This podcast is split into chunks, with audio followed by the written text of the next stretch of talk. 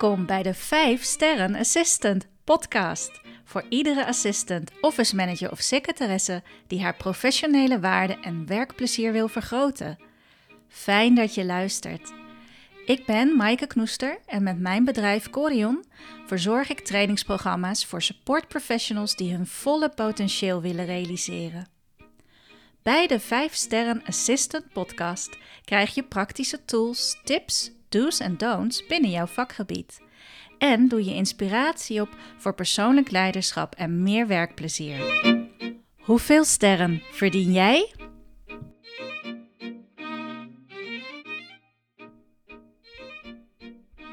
Hey, welkom bij aflevering 7 van deze podcast. Jij als notulist, wat is je rol en wat zijn daarbij vooral de do's en de don'ts? Uh, natuurlijk is dit voor alle assistants, secretaresses en office managers die notuleren. Maar verder is het voor iedereen die regelmatig moet notuleren of mag notuleren, net hoe je het bekijkt. En dat makkelijker en efficiënter wil kunnen. En misschien ga je het dan zelfs leuker vinden. Zou zomaar kunnen, hè? Ik heb sinds 2003 mogen trainen in het uh, uh, notuleren. Dus uh, het begon met notuleren gewoon op papier. Maar inmiddels is dat veel meer op de laptop. sommigen doen het zelfs op de iPad ook. Dus die vaardigheid is erbij gekomen. Maar ik geef daar dus al heel lang jaarlijks diverse, trainen, diverse keren een training in. Nou, als jij veel tijd kwijt bent aan het uitwerken van verslagen, of je vindt het lastig, beknopt en bondig samen te vatten wat er tijdens vergadering is gezegd, uh, misschien zijn je verslagen te uitgebreid. En ja, jij denkt ook, volgens mij kan notuleren efficiënter en makkelijker zijn. En zeker als je notuleren wat leuker wilt gaan vinden, dan blijf vooral luisteren. Want als je één of meer van deze vragen met een duidelijk ja hebt beantwoord, nou, dan zou je veel kunnen hebben aan de volgende do's en don'ts tijdens deze podcast. Want notuleren kan efficiënt en doelgericht zijn als bezigheid. En daardoor wordt het vanzelf leuker en gemakkelijker. Even terug in de tijd, want wat vond ik van notuleren toen ik inderdaad secretaresse was? Um, het was op de verkoopafdeling van Henkel, van uh, de wasmiddelen. Uh, hier in Nieuwegein uh, was dat vlakbij Utrecht. En ik moet zeggen, ik had een uh, voorbeeldig directeur voor wie ik op dat moment een aantal maanden. ja, ik verving dus iemand met zwangerschapsverlof. En ik heb vier maanden voor hem mogen werken destijds.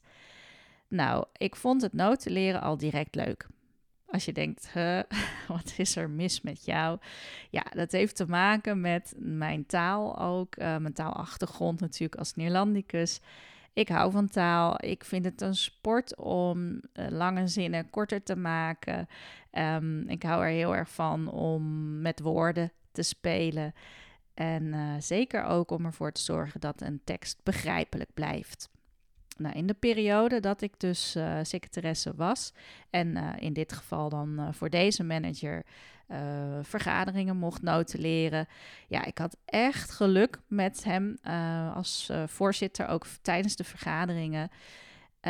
en ja, ik was daarom best wel verbaasd later toen ik dus andere secretaresses en office managers ging trainen in het notuleren dat ik toch echt wel heel andere verhalen van ze hoorde uit de werkpraktijk. Het is um, voor mij dus nu al een tijd geleden, maar de manager, uh, ik was destijds uh, nog geen dertig, maar de manager voor wie ik toen werkte, uh, die was ook relatief jong nog. En um, hij was ook een geboren leider. Dat, dat merkte je de andere mensen aan wie die leiding gaf, waren verkopers, vooral in de buitendienst. Die waren een pak ouder dan hij, maar hij had echt wel overwicht. En ik was daar heel erg van onder de indruk. Ik zag ook aan zijn time management en zijn focus dat hij het allemaal, uh, ja, leek het uh, totaal onder controle te hebben. En hij kon zelfs in de, in de lunchpauzes uh, even weg om te gaan fitnessen. Dat vond hij heel belangrijk. Nou, in elk geval, tijdens mijn eerste afdelingsoverleg als notulist uh, daar merkte ik al, hey, mijn manager die, uh, die helpt mij daarbij echt. Hè? Dus vooraf besprak hij even kort de agenda met me door. Hij gaf me al meteen het vertrouwen dat ik het wel zou aankunnen. Ook had ik nog niet uh, eerder op die afdeling genotuleerd. Dus er lag totaal geen druk op, zo voelde het. En ik begon met aantekeningen maken. En tijdens de vergadering had ik al zo'n vier à vijf kantjes volgeschreven. Dat ja, was allemaal nog dus met de hand. En bij sommige stukken had ik het aardig helder. Maar er waren ook zaken die ik dus voor het eerst hoorde, begrijpelijk. ik kende de materie nog niet overal. Dus um, of ik ze nou goed had begrepen tijdens de vergadering, geen idee. Maar gelukkig herhaalde mijn manager als voorzitter van de vergadering regelmatig de gemaakte afspraken. Wat ook hoort, hè, dat hoort hij ook te doen als voorzitter. En, uh, en dat is eigenlijk al meteen een doe, de gouden 10 minuten regel die als notulist echt wel mag afdwingen, vind ik zelf. Na afloop kwam mijn manager, dat was niet direct na de vergadering, maar wat later op die dag, kwam hij naar mijn bureau om samen even de aantekeningen door te nemen. En hij zag direct al van, hé, hey, dat heeft ze goed samengevat, dat nog niet helemaal, daar mist ze wat. Maar hij gaf vooral ook aan als dingen te uitgebreid waren of helemaal niet terug in het verslag hoefden te komen. Bijvoorbeeld omdat daar een bijlage van was of omdat ze er uiteindelijk geen beslissing over hadden genomen en het hele stuk uh, of dat onderdeel naar de volgende vergadering uh, was doorgeschoven. Dan, ik wist nog toen niet van oké, dan hoef je dat niet te notuleren. Dat, dat notuleerde ik dan ook natuurlijk allemaal. Dus uh, door die nabespreking kreeg ik al meteen een pak tijdwinst. Dat uh, blijkt ook in de praktijk echt de manier te zijn om uh, ja, efficiënter je aantekeningen tot een verslag uit te werken. En daardoor kreeg ik al direct uh, vertrouwen ook. Ik wist hè, de kwaliteit van mijn aantekeningen op dat moment waren dus door de hulp van mijn manager verbeterd. En um, die was verbeterd, moet ik zeggen. Want ik let nu nog wat, duidelijker op mijn taal uiteraard. En met die aantekeningen, met vertrouwen, uh, kon ik het gewoon goed uh, en efficiënt uitwerken. Tot een heel verslag hoeft hij het alleen nog maar na te lopen op uh, eventuele taalfoutjes. Kan altijd gebeuren natuurlijk. Kleinigheden die verbeterd moesten worden. Voordat het verslag aan alle deelnemers werd verstuurd.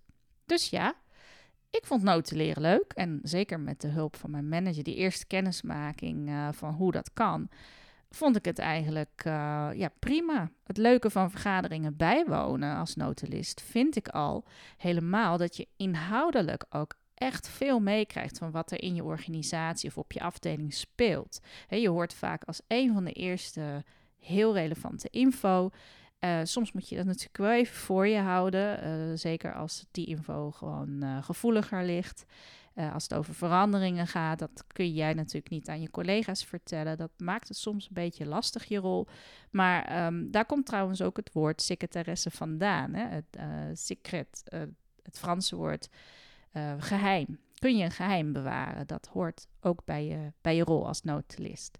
Maar goed, dat vond ik het gave aan. Ik had ook eerder al uh, ervaring met uh, uh, persoonlijke overleggen uit het type. Dat was opgenomen op een bandje. Destijds nog. en um, dat moest ik gewoon uittypen. Dat was ergens anders hoor. Maar dat was tussen de directeur en de manager. Dus een groep managers. En die hadden allemaal ieder een persoonlijk overleg en de belangrijke dingen eruit werd, werden ingesproken op het bandje. En ik hoefde dat alleen maar op het secretariaat uit te typen. Nou, ik kreeg alle highlights te horen van wat er speelde op elke afdeling op het hoogste niveau. Super interessant. Ik ben daar ook even blijven werken trouwens daarna. Nou, goed. Dat is mijn ervaring dus ermee. En vandaar, uh, van, vanwege de taal dus. En vanwege mijn goede start als uh, secretaresse met uh, ja, prettige voorzitters, kan ik wel zeggen. Daardoor vond ik het notuleren leuk. Nou, nu gaan we eens kijken naar wat komt er dan bij kijken voor ook degene die het dus wat minder leuk vinden. Um, want uh, zoals gezegd, toen ik er eenmaal in ging trainen, herkende niet iedereen die voor mijn neus had dat verhaal. Misschien komen die mensen die het echt leuk vinden en zich het graag eigen maken op die manier ook niet naar de trainingen. Dat kan. Maar uh, laten we eens kijken waar dan de notulisten die ik in de jaren ben tegengekomen vaak in de praktijk uh, tegenaan lopen. Je zult er vast wat in gaan herkennen. Nou, allereerst is um, wat ik vaak hoor, is de vraag, het dilemma: wat is mijn rol precies tijdens de vergadering? Ik ben notulist en, en, dan heb ik het even over iemand die niet tegelijkertijd ook deelneemt, maar echt puur het verslag maakt. Dus ik ben notulist en wat mag ik dan tijdens een vergadering wel en niet zeggen? Dat is de eerste. Het dilemma van uh, wanneer uh, trek je je scheur open? Uh, mag je inderdaad vragen om een samenvatting? Kun je vragen en hè, mag je die tijd van het vergaderen gebruiken om ja, voor jezelf, om het helderder te krijgen. Dus dat zijn uh, dingen waar mensen wel tegenaan lopen. Uh, tweede dilemma is, um, dat is meer een onzekerheid misschien. Um, ja, moet ik het gewoon allemaal kunnen? Dus uh, of je de materie nou inhoudelijk heel goed snapt of niet. Um, hoe er ook vergaderd wordt. De een uh, voorzitter doet het heel gestructureerd, die leidt goed met het team. En een ander die uh, ja, vindt het lastiger om to the point te blijven. Ook wanneer deelnemers gaan uitweiden, kapt hij bijvoorbeeld of kapt zij bijvoorbeeld niet snel genoeg af. Dus um, heeft minder overwicht. Nou, daar kun je allemaal wel last van hebben als notulist natuurlijk. Want als de vergadering niet geordend uh, uh, verloopt. Um, ja, mensen gaan inderdaad van hak op de tak en er wordt niks over gezegd door niemand. Dan moet jij het als notulist dan toch maar uh, mooi in een gestructureerd verhaal weten te gieten. Dus dan komt ook terecht die vraag van ja, moet ik dit dan ook gewoon kunnen? Dus ondanks dat anderen het zo doen, moet ik het wel als notulist allemaal goed op papier kunnen krijgen. Dus dat is meer de onzekerheid ook van, ja, wordt het van mij verwacht dat ik het allemaal maar gewoon kan?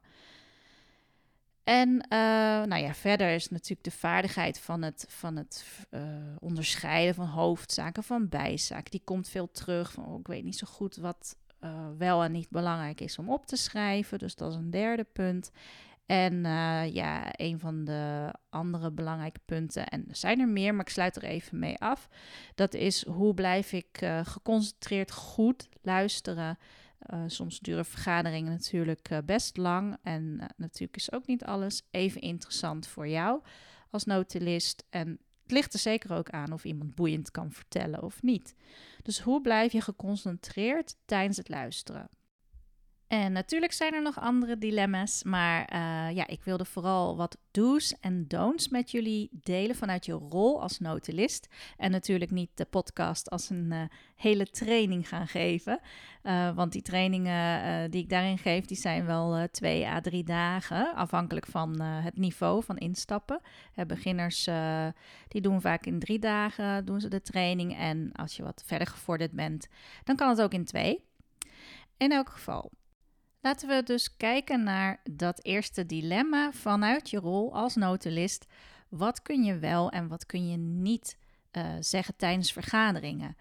En misschien ben jij een luisteraar die denkt: ja, hallo, als ik dingen niet snap of als er dingen onduidelijk zijn. Mensen vergeten ook bijvoorbeeld bij de acties de, de datum te koppelen. Hè, wanneer moet het af zijn? Ja, dan ben ik als notulist degene die als eerste zegt: hey, uh, mag het nog even herhaald worden? Voorzitter, kunt u dat uh, nog samenvatten? Of uh, welke datum kan ik noteren bij deze actie?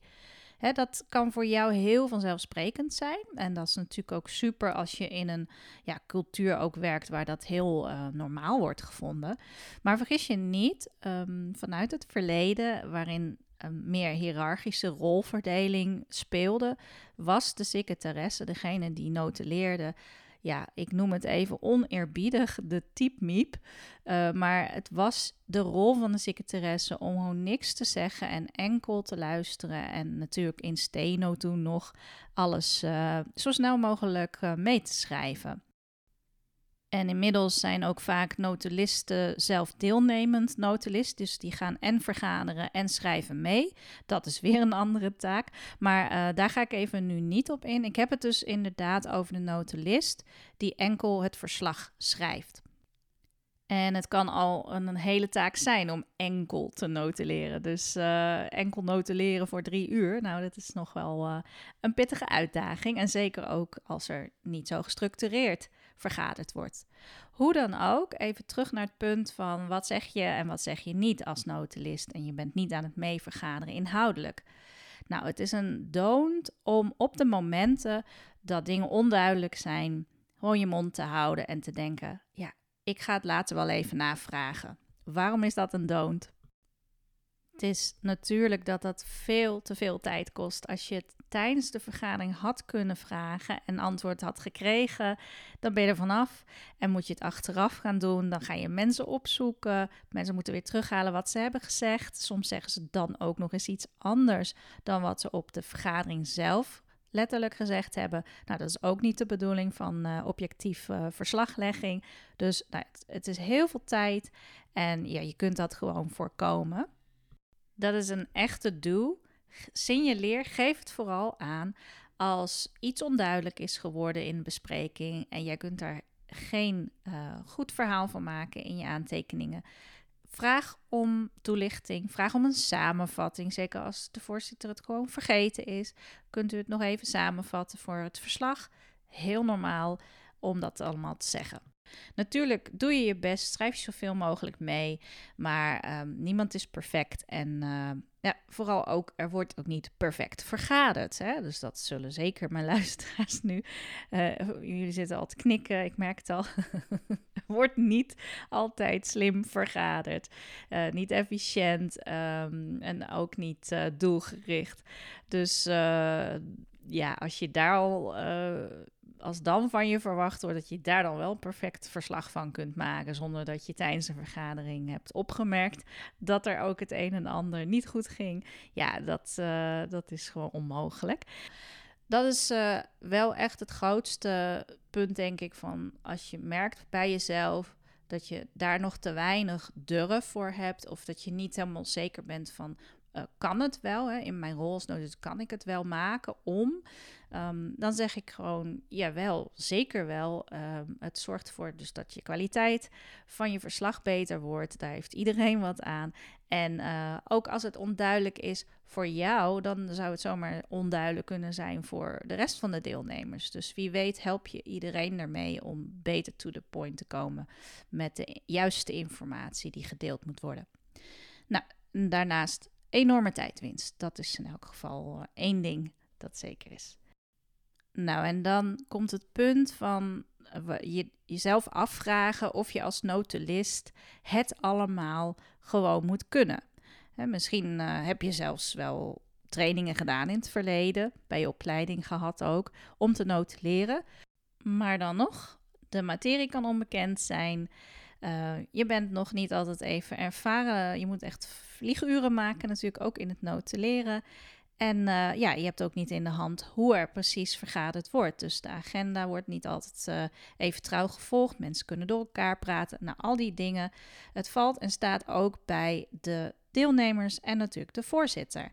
En dat is precies waar het hier om gaat. Van moet ik het allemaal wel kunnen? Nee, je bent hartstikke afhankelijk ook van de anderen, de deelnemers, de voorzitter. Um, dus daarin kun je niet van jezelf verwachten dat wat zij laten liggen, dat jij dat maar moet oplossen. Natuurlijk moet je er een manier mee vinden.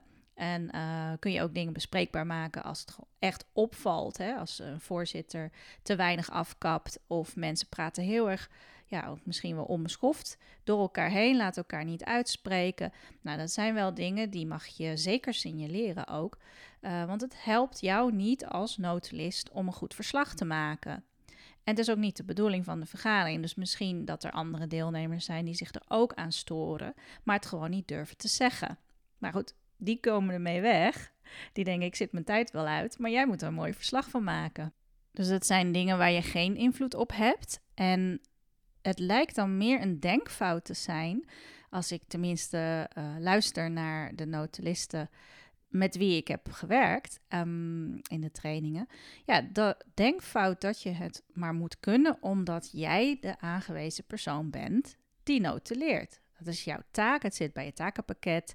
En dus moet je het kunnen, ongeacht uh, wat de andere factoren zijn die daar ook invloed op hebben voorbeeld is als je stukken te laat ingeleverd uh, zijn. Hè, de stukken die je juist moet krijgen om je goed inhoudelijk voor te bereiden op de punten. Nou, geldt voor alle deelnemers. het is heel onprettig om die te laten krijgen, want je weet niet goed waar je over moet gaan vergaderen. En jij als notulist weet te weinig om goed mee te kunnen komen in dat verhaal. Dus het is heel belangrijk om voor jezelf na te gaan. Ik ben een notulist, nou, daar horen bepaalde plichten bij, taken bij, zoals het goed voorbereiden op een vergadering is een van die plichten wel. Die kun je nakomen, uh, maar dat kan alleen als iemand anders ook de plicht doet. Dus tegenover elke plicht staat ook jouw recht en daar is iemand anders voor verantwoordelijk. Of de hele vergadering is daarvoor uh, verantwoordelijk. Dus het is gewoon heel goed om dat te beseffen. Ja, natuurlijk kan ik een uh, gestructureerd verslag maken, maar dan moet er wel tijdens de vergadering een bepaalde lijn uh, gehouden worden en dan moet men niet uh, van hak op de tak springen. Dus daar ja, hoop ik gewoon van, als je dat beseft, dat je minder druk op jezelf voelt. Dat je gewoon weet van ja, we doen het gewoon allemaal samen. Het is niet alleen ik. En dus geldt hier, vraag vooral de hulp die je daarbij nodig hebt. Um, ik had het al even over die gouden uh, regel van die 10 minuten nabespreking. Ja, dat, uh, dat is echt wel iets, dat mag je gewoon vragen. Waarom niet? misschien is de voorzitter, je manager zou dat kunnen zijn natuurlijk, hartstikke druk en is die meteen weg. Maar toch, kijk of je dan een ander moment vindt na afloop om het er even over te hebben. Nou, en hierbij sluit ook mooi aan het vierde dilemma. Dat, uh, dan sla ik even de derde over, die parkeer ik. Wat is belangrijk en wat niet. Maar laat ik eerst eventjes uh, over het, hoe blijf je geconcentreerd luisteren tijdens vergaderingen. Uh, want dat sluit mooi aan bij die plichten. Um, natuurlijk, um, ook al duurt de vergadering drie uur, is het de bedoeling dat jij die drie uur lang alles meeschrijft. En je kunt niet drie uur lang even geconcentreerd blijven. Maar een van de dingen die ervoor zorgt dat je sowieso je concentratie verliest, is als je tijdens de vergadering ook nog uh, andere dingetjes hebt lopen die je moet doen. Bijvoorbeeld uh, uh, koffie en thee is op en er moet even een belletje naar de catering gedaan worden. Ja, dat denk je misschien van, oh ja, wacht even, dat hoor ik nu te doen, want de rest is allemaal deelnemer. Die denkfout kun je maken. Alleen op het moment dat jij dat gaat zitten doen, ben je compleet uit je concentratie. Soms vergaderen de mensen gewoon door. Nou, dat is al helemaal niet te doen natuurlijk. Op dat moment kun je geen twee dingen tegelijk. En ook al zouden ze zeggen, oké, dan zetten we even de vergadering stil, zodat jij dat uh, kunt doen. Je gaat dan iets heel anders zitten doen en je bent echt uit je flow van het uh, luisteren. Dus uh, dat zijn dingen die je ja, mag voorkomen. Ook kopietjes nog aan maken, last minute, dat soort dingen.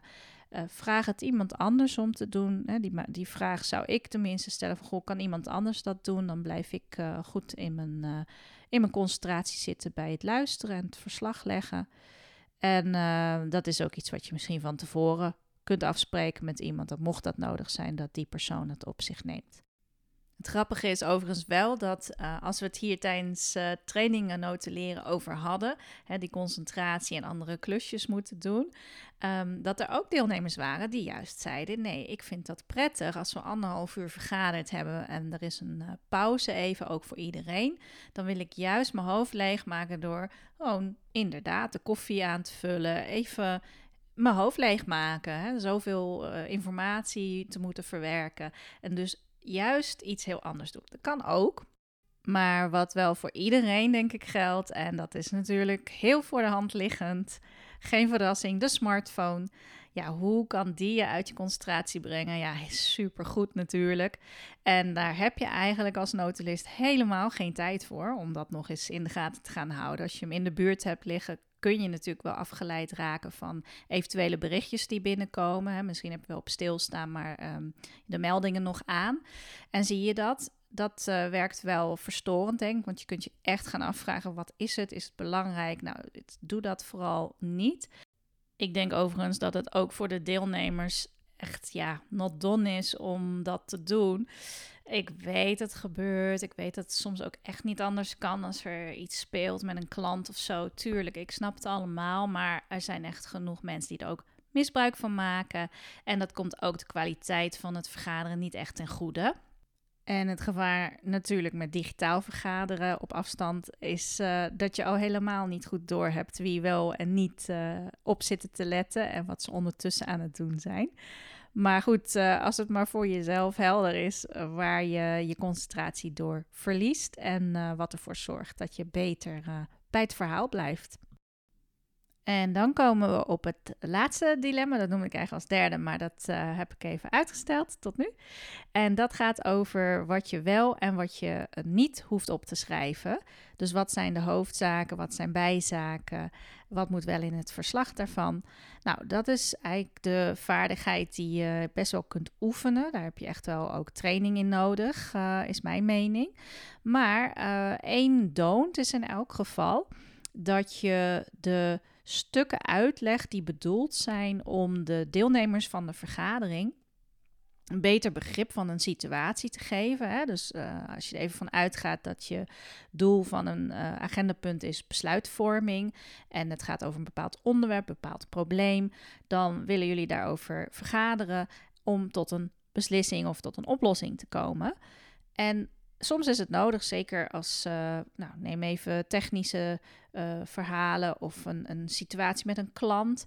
Dat begrijp je pas als je het hele verhaal kent of als je de uh, ja, illustraties hoort die, die maken dat je een beter begrip krijgt van een technische situatie. Nou, wat is dan de don't daarbij om dat allemaal ook te notuleren en in het verslag op te nemen? Lekker was ik bezig hoor, want uh, ik was mijn zin nog niet eens aan het afmaken en ik ging al direct in de illustratie. Dus ik doe het nu ook. Nou, zo zie je al, vergaderen is ook echt wel een kunst en to the point blijven ook. Dat is misschien wel leuk voor nog een andere podcast aflevering of we gaan het uh, hebben over vergadergedrag voor nu hoop ik in elk geval dat je met de do's en de don'ts um, ja, veel herkenning misschien wel weer hebt gehad. Dat je ook wel toch tips hebt meegekregen, ideeën of inzichten. Het is altijd goed om, ook al ben je heel ervaren, toch eens weer te evalueren van... hé, hey, hoe gaat het nu? En uh, het kan zijn dat natuurlijk er juist vragen zijn opgekomen, nog meer zelfs. Nou, je kunt me altijd een mailtje sturen natuurlijk naar info.corion.eu. Als je zegt van nou, doe daar nog eens een podcast over en laat dan uh, een paar andere onderwerpen aan bod komen hierover. Uh, ik hoor het natuurlijk heel graag van je. En dan maak ik wel nog reclame voor Corion, voor mijn bedrijf. Want het is zo dat ik een communicatie quickscan aanbiedt voor diegene die een verslag, het kan ook wel een andere zakelijke tekst zijn of enkele zakelijke e-mails, maar een verslag even in dit geval, want we hebben het nu over notuleren, kun je bij mij um, inleveren. En tegen betaling ga ik sowieso kijken naar taalgebruik of alles correct is, ook de layout. Ik geef ook uh, verbeteringen door als het gaat om de notuleer etiketten. Maar uh, ik doe meer dan dat, want ik geef je heel persoonlijke feedback op jouw stijl, op jouw schrijfstijl, maar ook of je consequent bent overal. Ik zie patronen, ik merk dingen snel op. En um, ja, dat geef ik natuurlijk aan je terug, waardoor je daar uh, in het vervolg beter op kunt letten en het uh, anders kunt doen. Dus het levert heel veel op binnen toch korte tijd, want je hoeft maar één verslag in te sturen. Uiteraard kun je er vaker gebruik van maken. En nou ja, Kijk even op de website anders, corion.eu, naar de communicatie quickscan. Dan zie je de prijs ervan, dan zie je hoe het werkt. En natuurlijk doe ik het gewoon heel graag voor je, met heel veel plezier. Heel veel succes de komende tijd met de vergaderingen die gepland staan. En uh, ja, ik hoop dat je een mooi verslag eruit uh, krijgt. En dat je er niet al te veel tijd aan kwijt bent. Maar ook dat je er een beetje lol bij hebt. Goed, tot de volgende aflevering weer. Dag! Superleuk dat je weer luisterde naar een aflevering van de 5 Sterren Assistant Podcast. En nog even kort een paar belangrijke dingen. Wist je dat je heel makkelijk een review kunt achterlaten om te laten weten wat je van deze podcast vindt? Het is heel simpel. Ga naar je podcast-app waarmee je deze podcast luistert en klik op reviews. Bij iTunes kun je bijvoorbeeld vijf waarderingssterren achterlaten en als je wilt ook nog een geschreven review. En dan wil ik iets heel gaafs met je delen. Elke maandagochtend heb ik een korte inspiratieopdracht voor je waarmee je die week een mooie start kunt maken. Abonneer je op of volg deze podcast en dan staat elke maandag de inspiratieaflevering automatisch voor je klaar. Nou, en vind je deze podcast interessant en ken je ook iemand voor wie de 5 sterren assistant podcast even interessant zou kunnen zijn, dan zou ik het enorm waarderen als je met hen deze podcast deelt of de aflevering aan hen doorstuurt. Via Spotify deel je de aflevering simpel door in de app op de drie puntjes rechtsbovenaan te gaan staan en dan te klikken op delen. En wil je meer weten over werken met mij en mijn bedrijf Corion? Ga dan naar de website www.corion.eu. Nou, tot slot, ik vind het echt super interessant om van je te lezen wat je van deze podcast vindt. En of je daar misschien vragen of suggesties bij hebt. Uh, ook als deze aflevering je een inzicht heeft gegeven of iets in actie heeft gebracht. Ja, lees ik dat natuurlijk ook super graag. Stuur me dan een berichtje via info.corion.eu of via een connectieverzoek op LinkedIn. Je vindt me onder Maaike Knoester of Corion. Bedankt voor het luisteren en tot de volgende aflevering.